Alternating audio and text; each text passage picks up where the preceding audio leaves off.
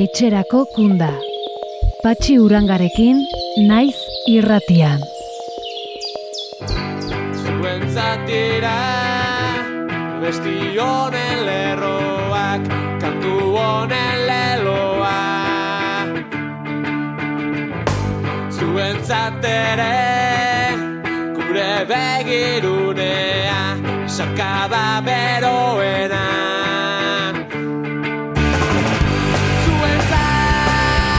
Kaixo denoi eta ongi etorri etxerako kunda saiora. Gaurko saioan Iñaki Zugadi abokatuarekin izango gara. Zugadi Jon Crespo eta Inigo Gutierrezen abokatua da eta beraren gana joko dugu bi preso hauei eta lehenago unai fan hori eginiko despropositoaz galdetzeko. Izan ere, guztiok ulertu dugu fano Crespo eta guti kartzelara bueltatu beharraren atzean zer dagoen. Baina erabaki horiek guztiek daramate paperean behintzat nolabaiteko barniz juridikoa. Eta argudio juridiko horiez solastuko dugu aste honetako gonbidatuarekin. Horrez gain, Euskal preso politikoentzako agur mezuak izango dira saioan. Kartzeletako aktualitatearen berri emango dugu, eta Ibon Muñoa Ibartarrak gatibu zela idatzi zuen ehunka olerketako bat partekatuko duen zule guztiekin. Eta orain, zer iruditzen zaizuetu txande maitalsekin goxo-goxo hasten bagara?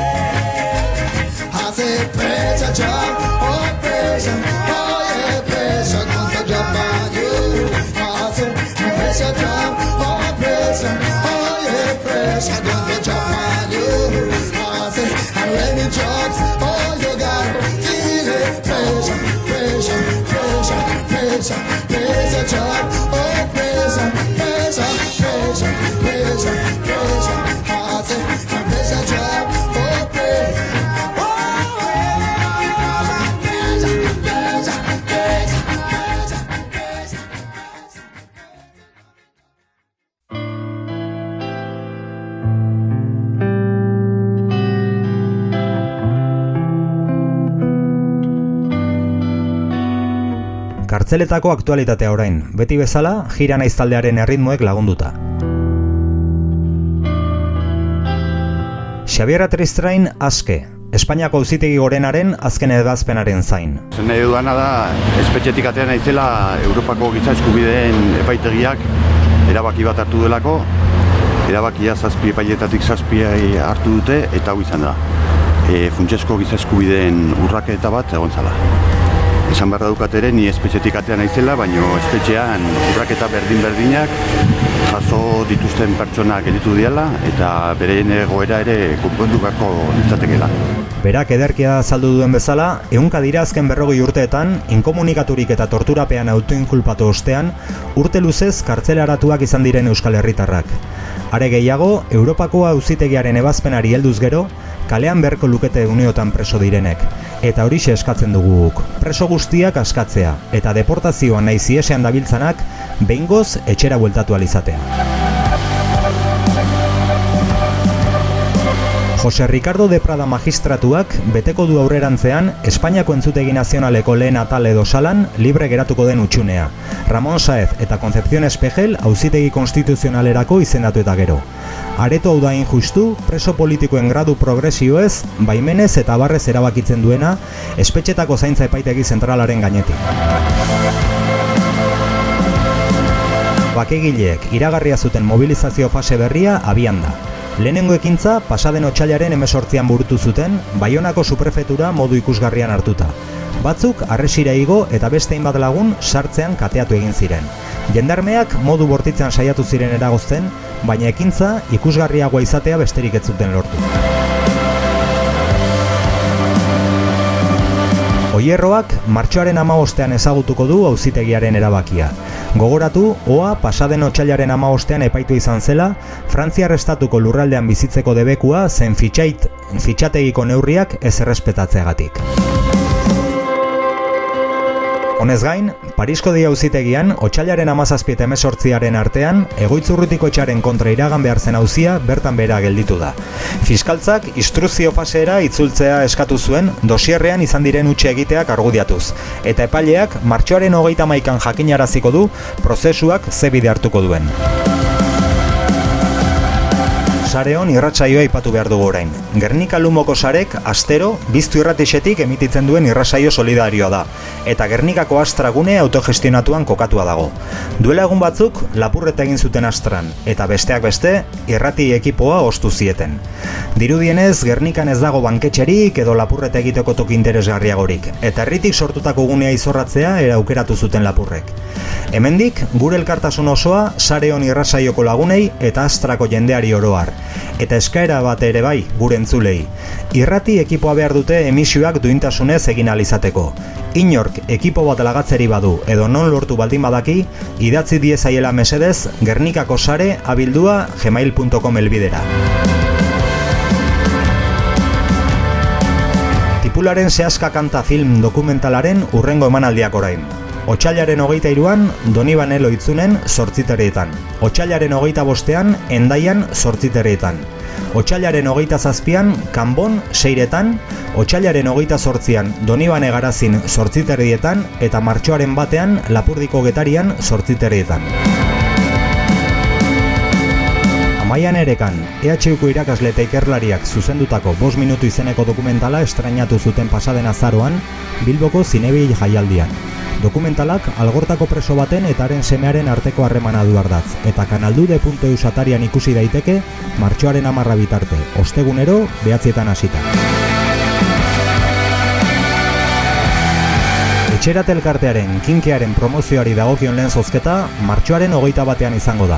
Informazio osoa kinkea.eu satarian aurkituko duzuen. Badara matzagu aste batzuk esaten, Martxoaren bostean, presoen sostengurako bertsoafari bat izango dela saran, Odei Barroso eta Metx Arzailuz bertsolariekin. Sarrerak, hogeita boste euro balio du eta izena emateko telefono zenbaki hau eman dute antolatzaileek. 06, bost sortzi, bost bat, bederatzi lau, iru bederatzi.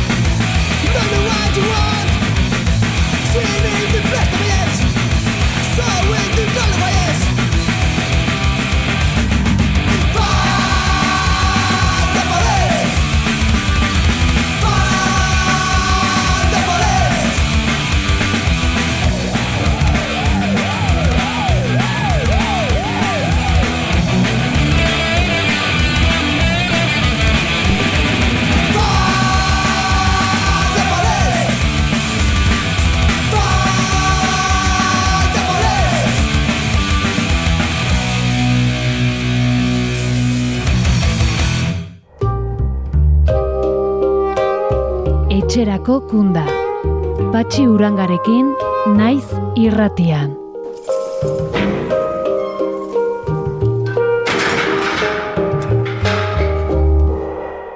Gutxi gora bera, guztiok ulertu dugu Unai Fano, Jon Crespo eta Inigo Gutierrezi irugarren gradu ez ezatu eta kartzelara bueltatu beharraren atzean zer dagoen.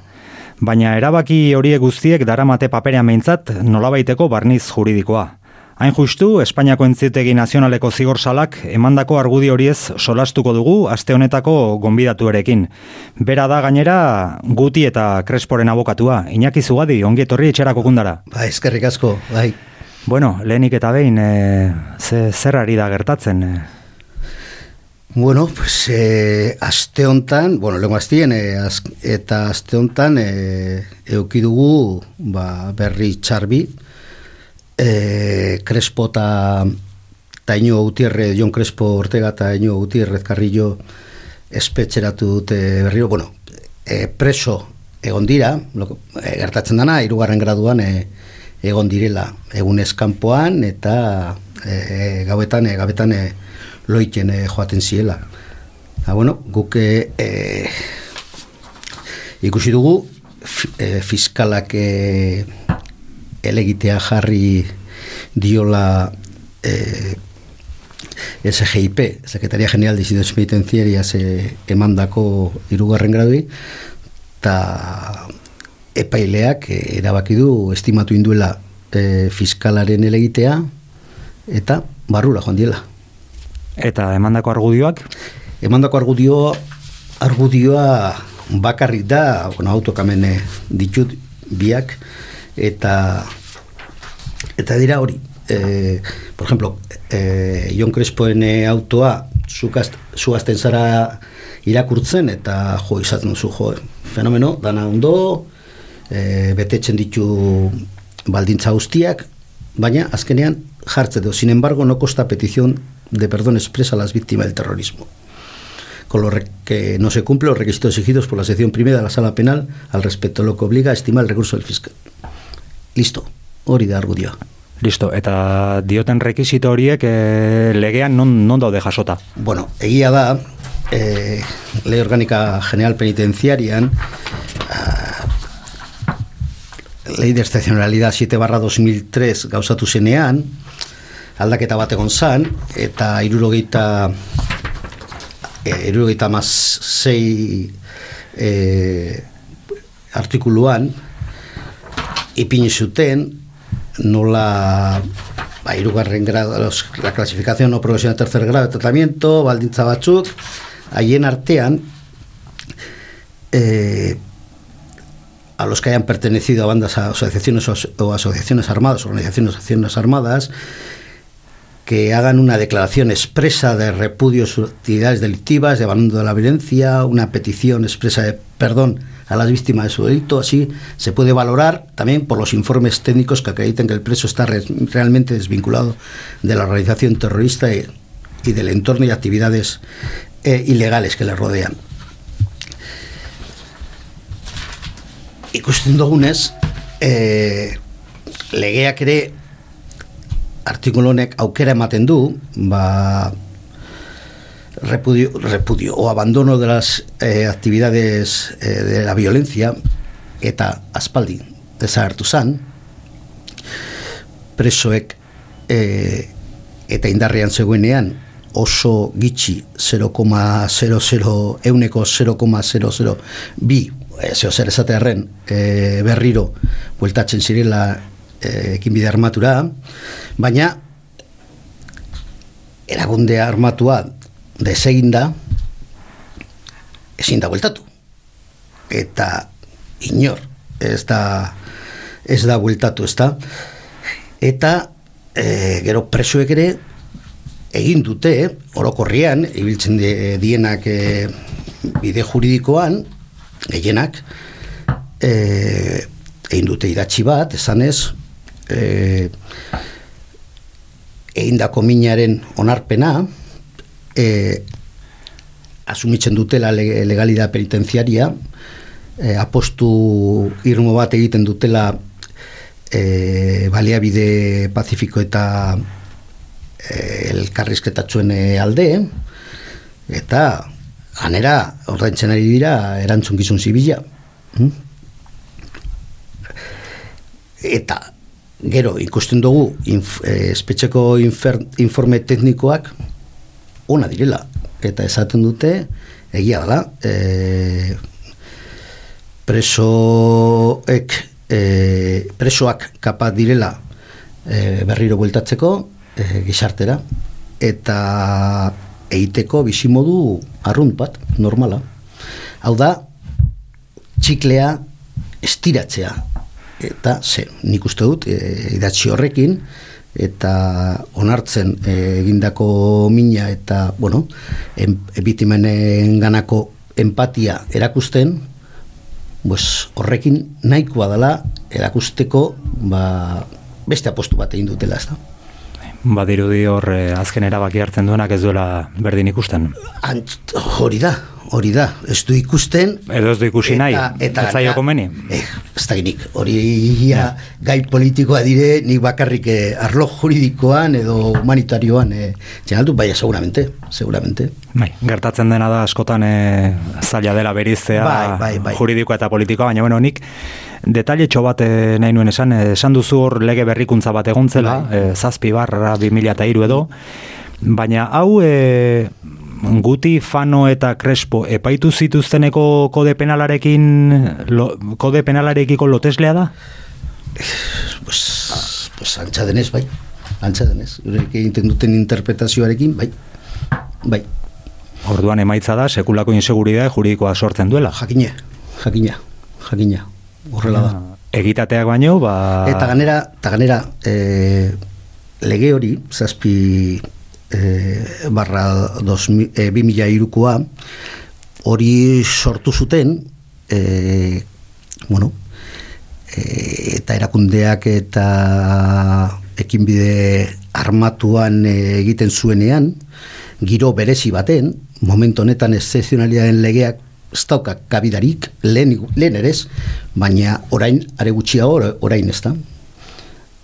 Eta irten bidea e, emateko, naturalmente horrek oztopatzen e, du erabat. Eta ganea, ez dituelako, ez duelako kontutan beste, beste faktoriak.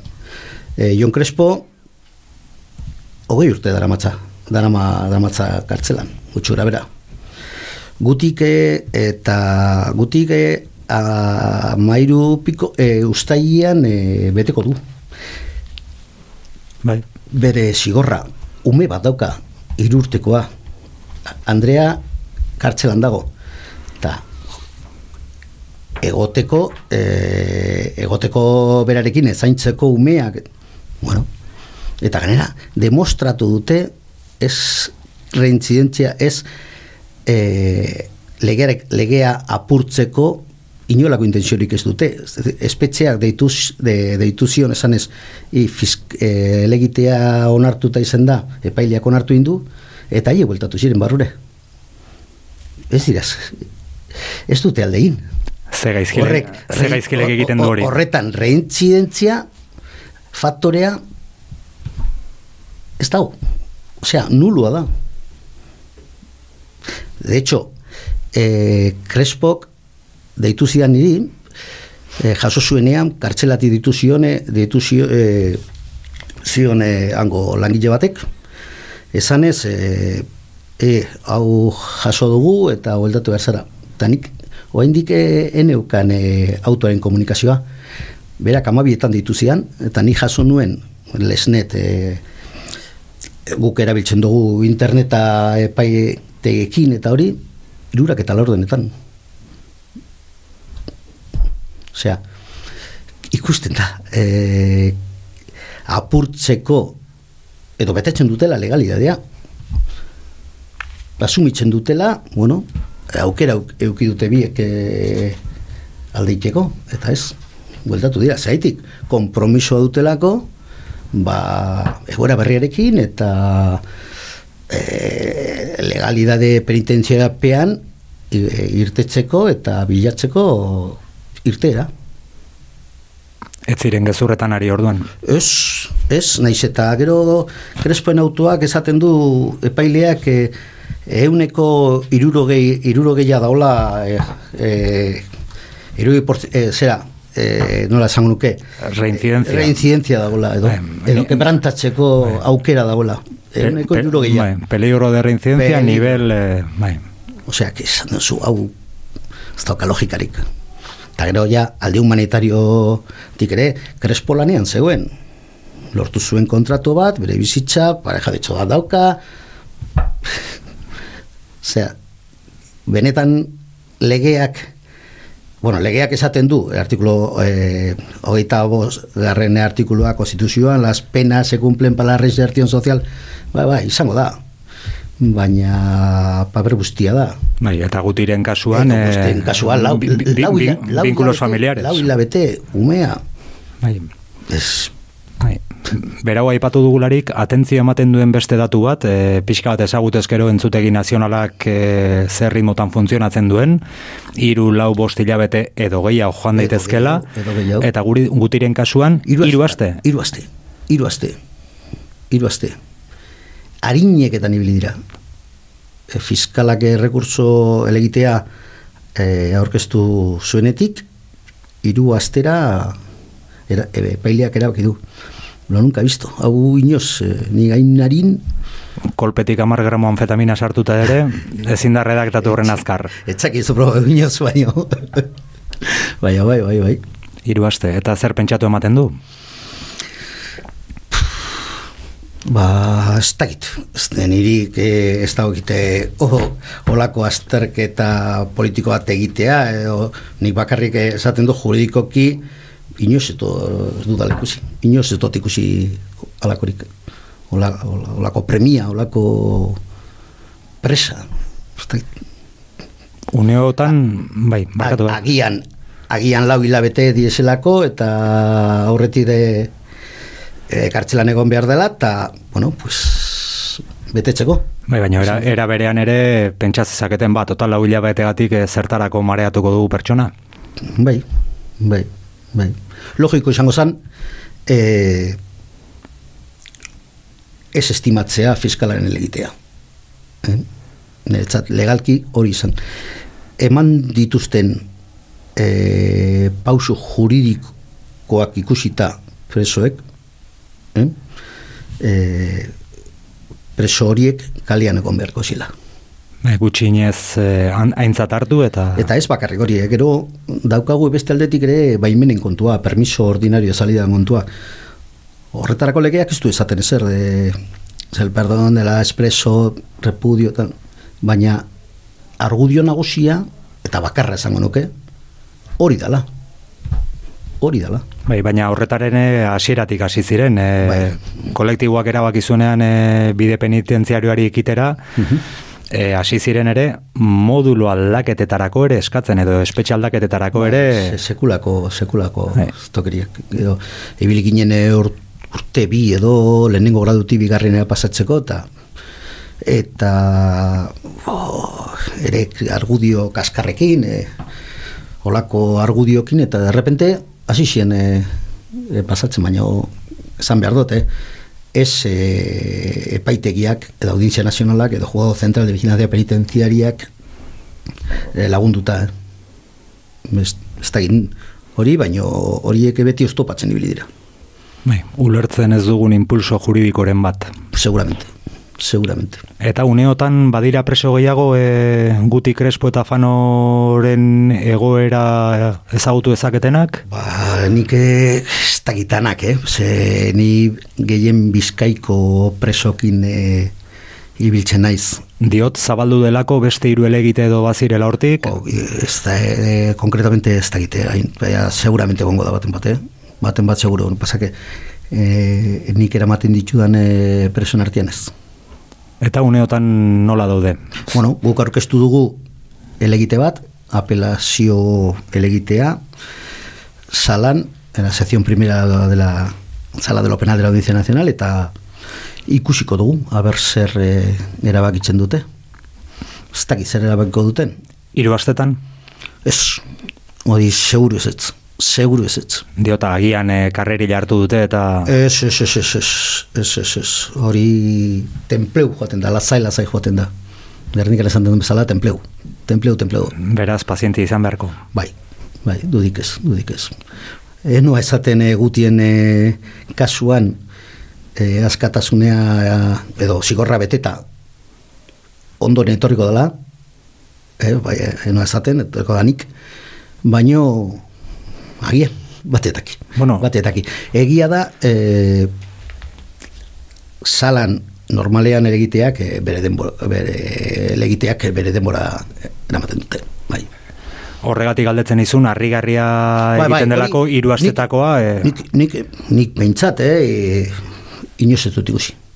Bai, ez dut ikusi, ez da edo zein e, kenja, ke, kexa sume bat, e, jo que se, igual e, az, e, hau e, da sim, simplekiri bat, ez da, baino, ez da gite, eukitzeagatik e, termo bat, e, zeldan, ez da ziegan, ez da, preso batek igual, ba, espetxeak e, onartu ez, eukitzi eta orduen kexa bate eza, e, jartzen e, da epaitegian.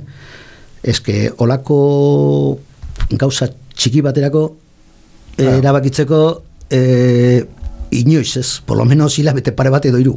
Zuzenduko nauzu, baina nik esango nuke ere, kasu askotan, urgentziazko eskaerak, adibidez e, aurraren erditzera joateko ere, e, Az- gehiago luzatu izan direla. Le- Askoz gehiago, askoz gehiago, askoz gehiago, Osea, askoz gehiago.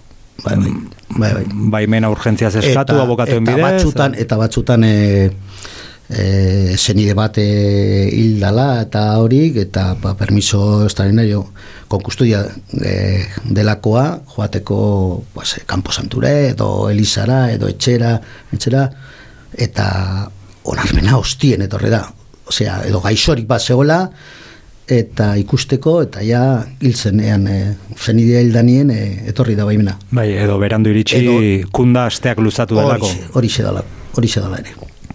Bera, bueno. Hau harrigarria izan da, harrigarria. Harrigarria eta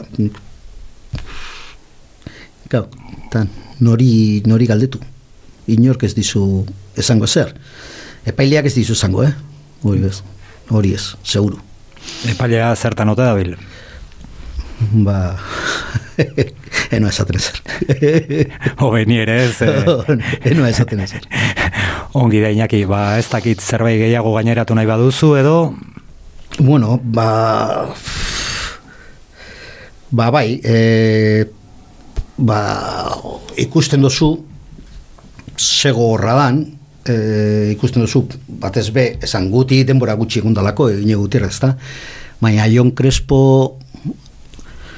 egon da hiru lau hilabete, eta nolabait e, erakutsi du preso, dauden preso guztiek, guztiek ere e, erakutsiko lukete ere kapaz direla egon da, egon da, eh, kalean egoteko normal, normal. Osea, ze, gure presoak eh, oso herriko pertsona dirak eta barkatu idazu lizentzia txiki hau, barkatu idazu moztea, baina ez dut euskal preso politikorik ezagutzen, gizarteara, gizarteratzeko arazorik duenik. Inolak arazorik. Gi, gizartear, I- gizartearen parte izan direlako beti eta parte garrantzitsua. Hori, hori da, hori esan nahi nuen, ez da, esan nahi nuen. Espetxe funtzionarioek be, zailtasun gehiago dituzte. Seguramente, seguramente, baina gure, eta ikusten duzu, jo, ostia, Jon Crespo, bueno, pues, eh, aparte erautsi du, ja, nolabait, eh, hori da telefona, beti, beti da martxan. Eh, erakutsi du, lana, kuadrilla, neska, familia, gurasoak, eta ze kolpe, haundia izen da, batez be, berarentzako ere, baina gurasoentzako, gurasoak eh, hogei urte leku batetik bestera, eta hon ikusten zuten apurbet argizpi bat, eta etorri dira zapustera besteak. Bai, eta gutxiago aipatu dugu, baina Unai Fano ere hor dago, bi, hori- bi umerekin, bikotearekin. Hori da, da, ni fan, fa, fano, unai fanoren abokatu ez naiz, ni, ena, enaiz ni, dia eh, aizea eta horintza, eh, haiek ezagutzen dute ondo kontua, baina hori da, eta unaik eh, erakutsi du perfectamente kapaz da, por, kapaz da dana, zuk esan duzuna, ezta? Baina, baina e, nabile apurbet e, bestien e, lekua interpretatzeko gauza, ezta? Eta holan da, holan da. Eta legalki kamp, ge, eske legalki gent, mordo bat egon behar zan, talde handi bat egon behar zan irugarren graduan, eta permisotan gehien gehienak. E, legalidade arruntari jarraituz. Kontua da, momentu honetan, segitzen dugula excepcionalidad, salbuespen egoerarekin. Bai, Pertsontzako. denetarik ikusiko zenuen, nik aipatu diezazuket e, pertsona bat, mo, bikotea dudalako, Bai, pasaden ekainaren emeretzian amaitzen zuen zigorra osorik, eta hamar egun beranduago, ekainaren emeretzian zigorra amaitu, eta ekainaren hogeita bederatzean, e, epailea, martuteneko espetxeari, informeak eskatzen ari zen sobre la conducta de la penada. bai. Zigorra bukatu eta hamar egunetara. Ez dakit nik hori oso serioa den. Ez, ez da serioa, eta ez da serioa ere ze hiru astetan e, erabakitzea ere ez. Esan nahi dute, ze horre, demostratu du sekulako presa, sekulako beharra erabakitzeko, ez dakit zer esan nahi digun horrekin. Spain is different, diote batzuek. Seguramente, seguramente, seguramente. Eta batez be, entzutegi nazionala. Audientzia nazionala oso oso berezia da. Oso berezia da. Logiko, logiko izango zen, e, tokian tokizko, de, de, tokiko epaileak e, egotea, de vigilancia penitenciaria, e, e, ez dakit momentu honetan administratiboak edo bezala, edo e, Baskongadetan bat, Nafarroan bat, Leonen bat dau, dauen bezala, dau, esto, eta ez... E, Bai, ze- zentrala jarri aurretik eta zegoen ez bezala. Hori da, eta ez kolektiboa, eta presoak e, juzgado central de vigilancia pian e, egotea. Iritsiko alda? Ez. E, etorriko da egun, egun Bueno, bai. Baina nik ez dut ikusiko eta honio gazte sentitzen naiz, Bai. berro eta metxurtekin. Behar, behar bada azken preso politikoa kaleratu eta biharamunean? E, asmatuko dute zeo zer, e, bestela jihadismo edo zeo zer asmatuko dute egoteko gorre en el candelabro besteak esaten zen bezala. Bueno, bai, bai, seguru, seguru asmatuko dutela. Erabaki politikoa dizelako. Eta e, audientzia nazionala eta epaitegi zentrala sortzie izan zen erabaki erabat politikoa, juridiko batez, batez. Galdera pertsonal bat egingo dizut Bai, orain bai. zure baimenarekin. Abokatu bezala nola, nola bizitzen da e, juridikoki e, argudiatu eta politikoki erantzun dizu, erantzuten dizutenean guztia atzera botatzen. Ba, triste, triste, triste, triste. Eta nera ikusten duzu, porque puf, nik eh, egun hauetan e, ba, ondo ez naz egon. Jaso nituenean, e, hostias, berri hauek eta pues, e, gogor, gogorra, gogorra izen da, familiakin, e, familiarrekin egotie eta hostias, gogorra eta ikusten duzu horma baten kontra zaudela, ezta? Baina, bueno, gu jarraitu behar dugu, guke guke bid- bidien e, jotasu argudio juridikokin e, desarmatzen euren e, argudio hitz berri bat edo hitz- hitzo, e, palabra esan da bezala, hitzo argudio kerizek e, e, desarmatzen eta eta bueno, gu jarraitu behar dugu, porque arrazoi juridikoa guk daukagu, guk daukagu. Pss. Eta azten zenean e, argudio politikokin da argudio juridikoen e, bataia utxean guk irabaziko genukelako. Bai. Eta argudio juridiko ez gain, argudio historikoa ere gurea delako, ba, Jakin- jarraituko dugu, jakina, jakina. guztiak etxera ekarri arte. Horixe da, horixe da, horixe da. Et, tristea da, eta ez, e, ez sartuko arlo politikoan ez da, baina tristea da, ja, da matzalagu amar urte ez da, eta azken amar urtetan, jo, onin, oino garren, oraindik, oraindik olako kontuekin, ez da? Irten juridikoa ez lort, oraindik eh, lortu izizena. Hori, jo, trist, tristea, erakusten du aurrien daguna ze, zer nolakoa dan, ez da? Nolakoa dan. Horixe da. Ba, Iñaki, ez daitezela beste hamar urte pasa, Ez, eh, hori ba, hori ba. eta bueno, bitartean hementxe, hementxe jarraituko dugu denok, bultza eta bultza. Bai, bai. hori behar dugu, eta, bueno, nik animatu nahi dut ere jendia, ba, jarraitu behar dugula, guke arlo juridikotik, eta mundu guztia, ba, kontutan eukitzeko presoak, presoek eskubide osoa dutela kalean egoteko. Herriaren parte direlako. Hori ba, hori xera. Iñaki Zubadi, mila, mila esker, Bai, zuei. animo lanean eta Ba, bai, bai, hori da falta. Da Eta- falta. Beti talde talde polit bat eh, daukagu Euskal Herri osoan eta jente jatorra. kristoren ekipoa. Bai, bai. Badakit oso ongi. Ondo ondo izan Iñaki, besarkada bat. Bai, eskerrik asko zuei. Aio. Aio, bai, agur.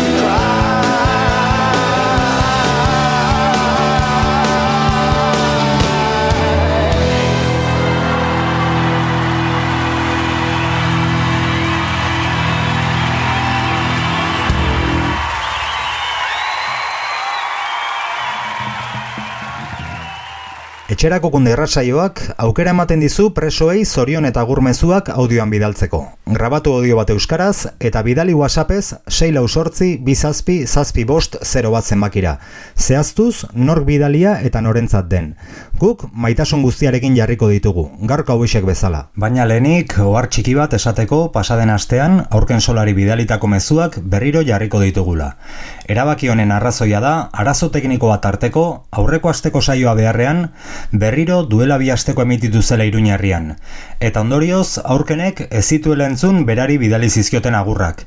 Baina guk ez dugu inor mezuri gabelako. Beraz aurken, datozen hauek zuretzako dira eskabidean taldeak bere asken diskoan atera duen abesti zoragarri honekin batera. Haupa, kaixo gabon. Ba hori, bidali nahi dut, e, bezarkada eta musu erraldoi bat, e, entzuten hauten preso politiko guztientzat, eta hori, bereziki, ba, aurkeni, aurken, opai, primo, kagoen lastea, ea laizteri ikusten garen, a ber, aldatzen den gauza mierda ezta, eta ikusten garen, a ber, hauen la puta. Eta hori, ba, hori, animo, eta, eta zaindu pilo bat, eta hori, venga, eutxi gogor guztiok. Kaixo, Joseba Burgete naiz, eta audio honen bidez Euskal Preso Politiko Iruñeko espetxean petna betetzen duen aurken solaren txat, bezarkada handi eta estu bat bidaltzea gustatuko litzateke.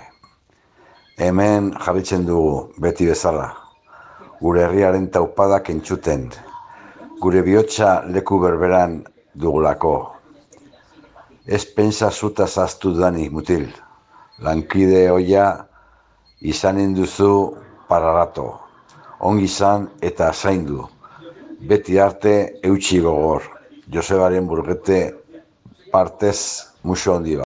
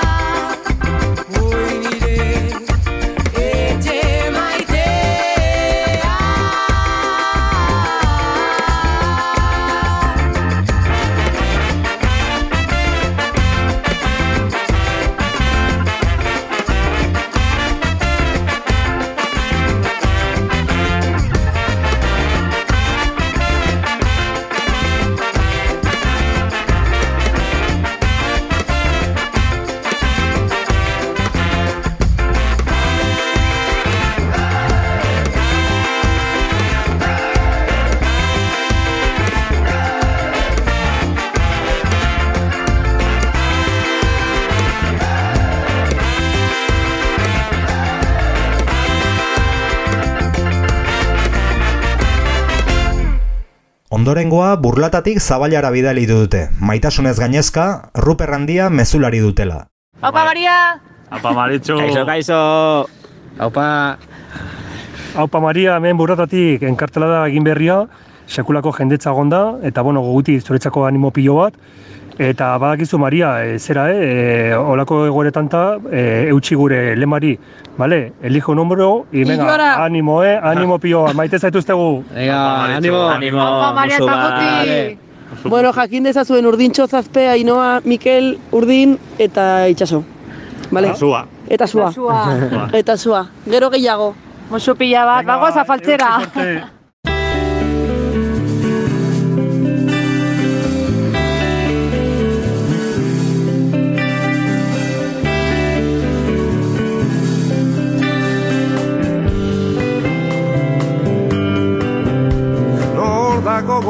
Daukazuna nor da.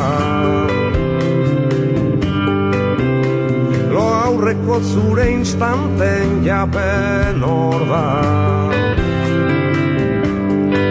Biotzean dara matzuna nor da. Zure begietan gorderik nor da gogoan daukazuna nor da Tangerreko aragiunak Ez diraski zu ikusteko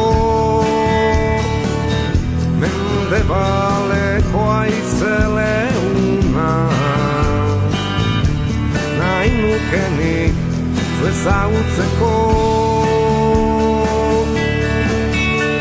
Nor da gogoan daukazuna nor da Lo aurreko zure instanten jabe nor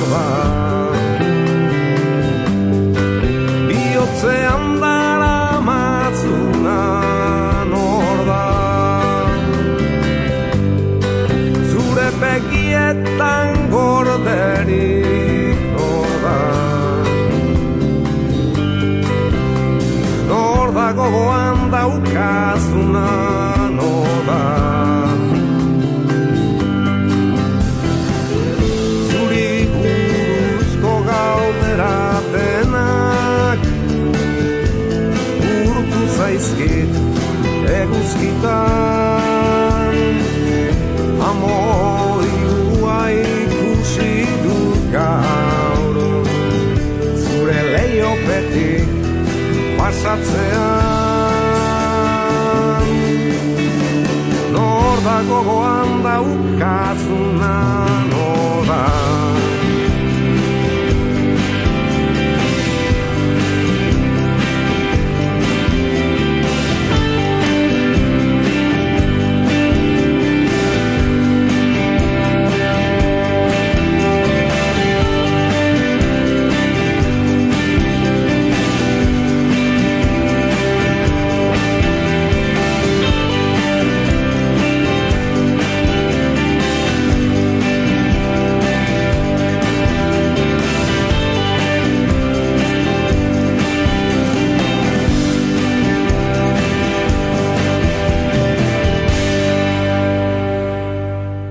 Gaurko azken mezua, aurkezpenik behar ez duen klasiko batekin lagunduta doa.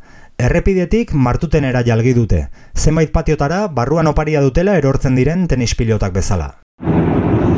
Apa da nori oiernaz Donostiatik Durangar bat eta Donostian dauden e, Durangar batzui begira eta bestela ere espetxean bahituta dituzten lagunei begira egunaren hasiera goizeko sortziterdiak dira mezu hau bidaltzen dudan momentuan errepidean lanera bidian eta zuek gogoan lagunok eutxi goiari eta musu berezi bat martutenen dauden Jurdan, Lupi eta Troitin hori.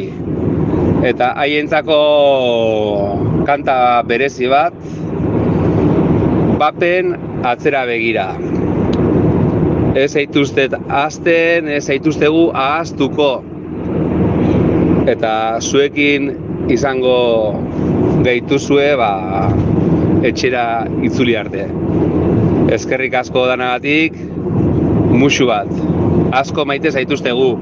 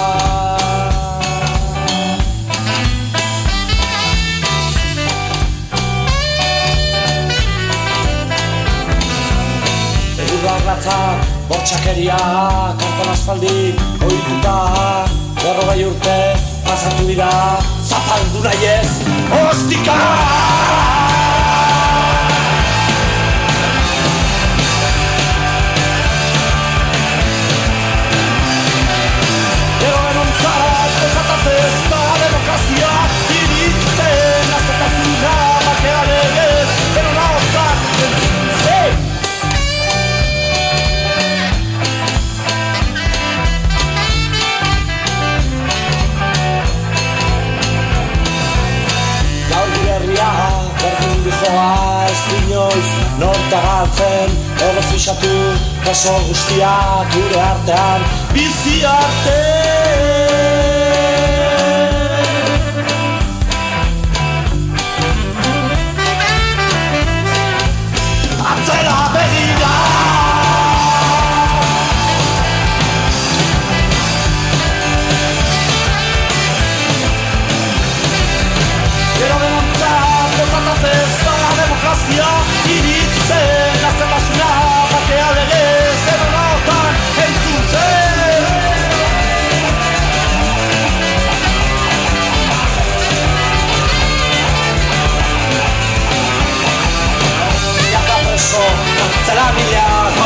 Jack Barry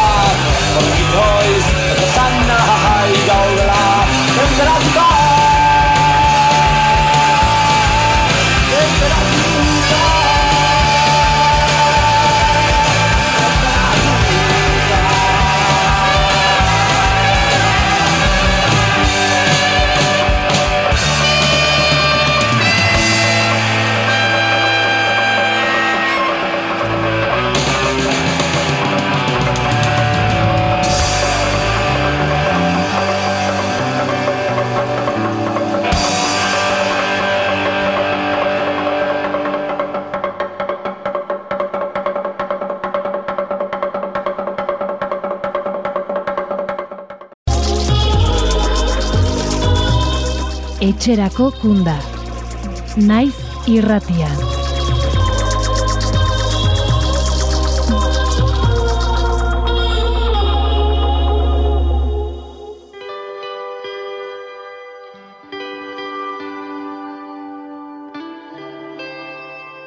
Jarraitzen dugu astero-astero, ziega zuluan sortutako altxorrak entzulekin partekatzen. Asko eta asko direlako kartzelan idatzitako olerki ipuin eta bertsoak, margotutako irudi eta kuadroak. Gaurkoan, Ibon Muñoa Ibartarra dugu gurekin. Kartzela urtetan, ehunka bertso olerki eta ipuin idatzitakoa, eta kalean emari bikainarekin jarraitzen duena. Zuloak, leioak, petralak. Da bertso eh, da olerki honen izenburua. 2000 eta hogei garren urteko maiatzaren amazazpian e, idatzi nuen Kordobako isolamenduan. Orgoian zeo zer egon behar da, hormako lehioaren ostean. Auskalo zergatik ezarrita dauzkan burdin zarea eta barra handiak. Zabiertzok jakiminez esan die, ione, oiane eta zierri. Iturri gainera igo aurretik ez ezaguna ikusteko asmoz. Mutikoak eta neskatuak txandaka kuskusean ari dira, baina barrua ilunik dagoenez lehioaren hautsa solik dakuzate. Laure zapustuta erabaki dute patinetearekin berriz jolastea. Misterioa ezin argituta nor bere bostean pentsakor. Oianek bat batean esan die, gaur irati ama ikustera joan da, miren txinfurgonetan aitzarekin, Espainiako espetxe batera. Agian gordeta daukaten ziegak horrelako leio bat izango du. Laurak gora begira geratu dira, musua, musuan tristura islatu zaie. Umeek irudikatu dute iratiren amaren ataka. Zer izan daitekeen bizitzea erridikat luzaro zuloan. Iratirekin ikastola mintzatu dira, jakiteko amak bizitan esan diona. Maiteak, zuen txat bake zuzena nahi dut, leio petralbako herri librea.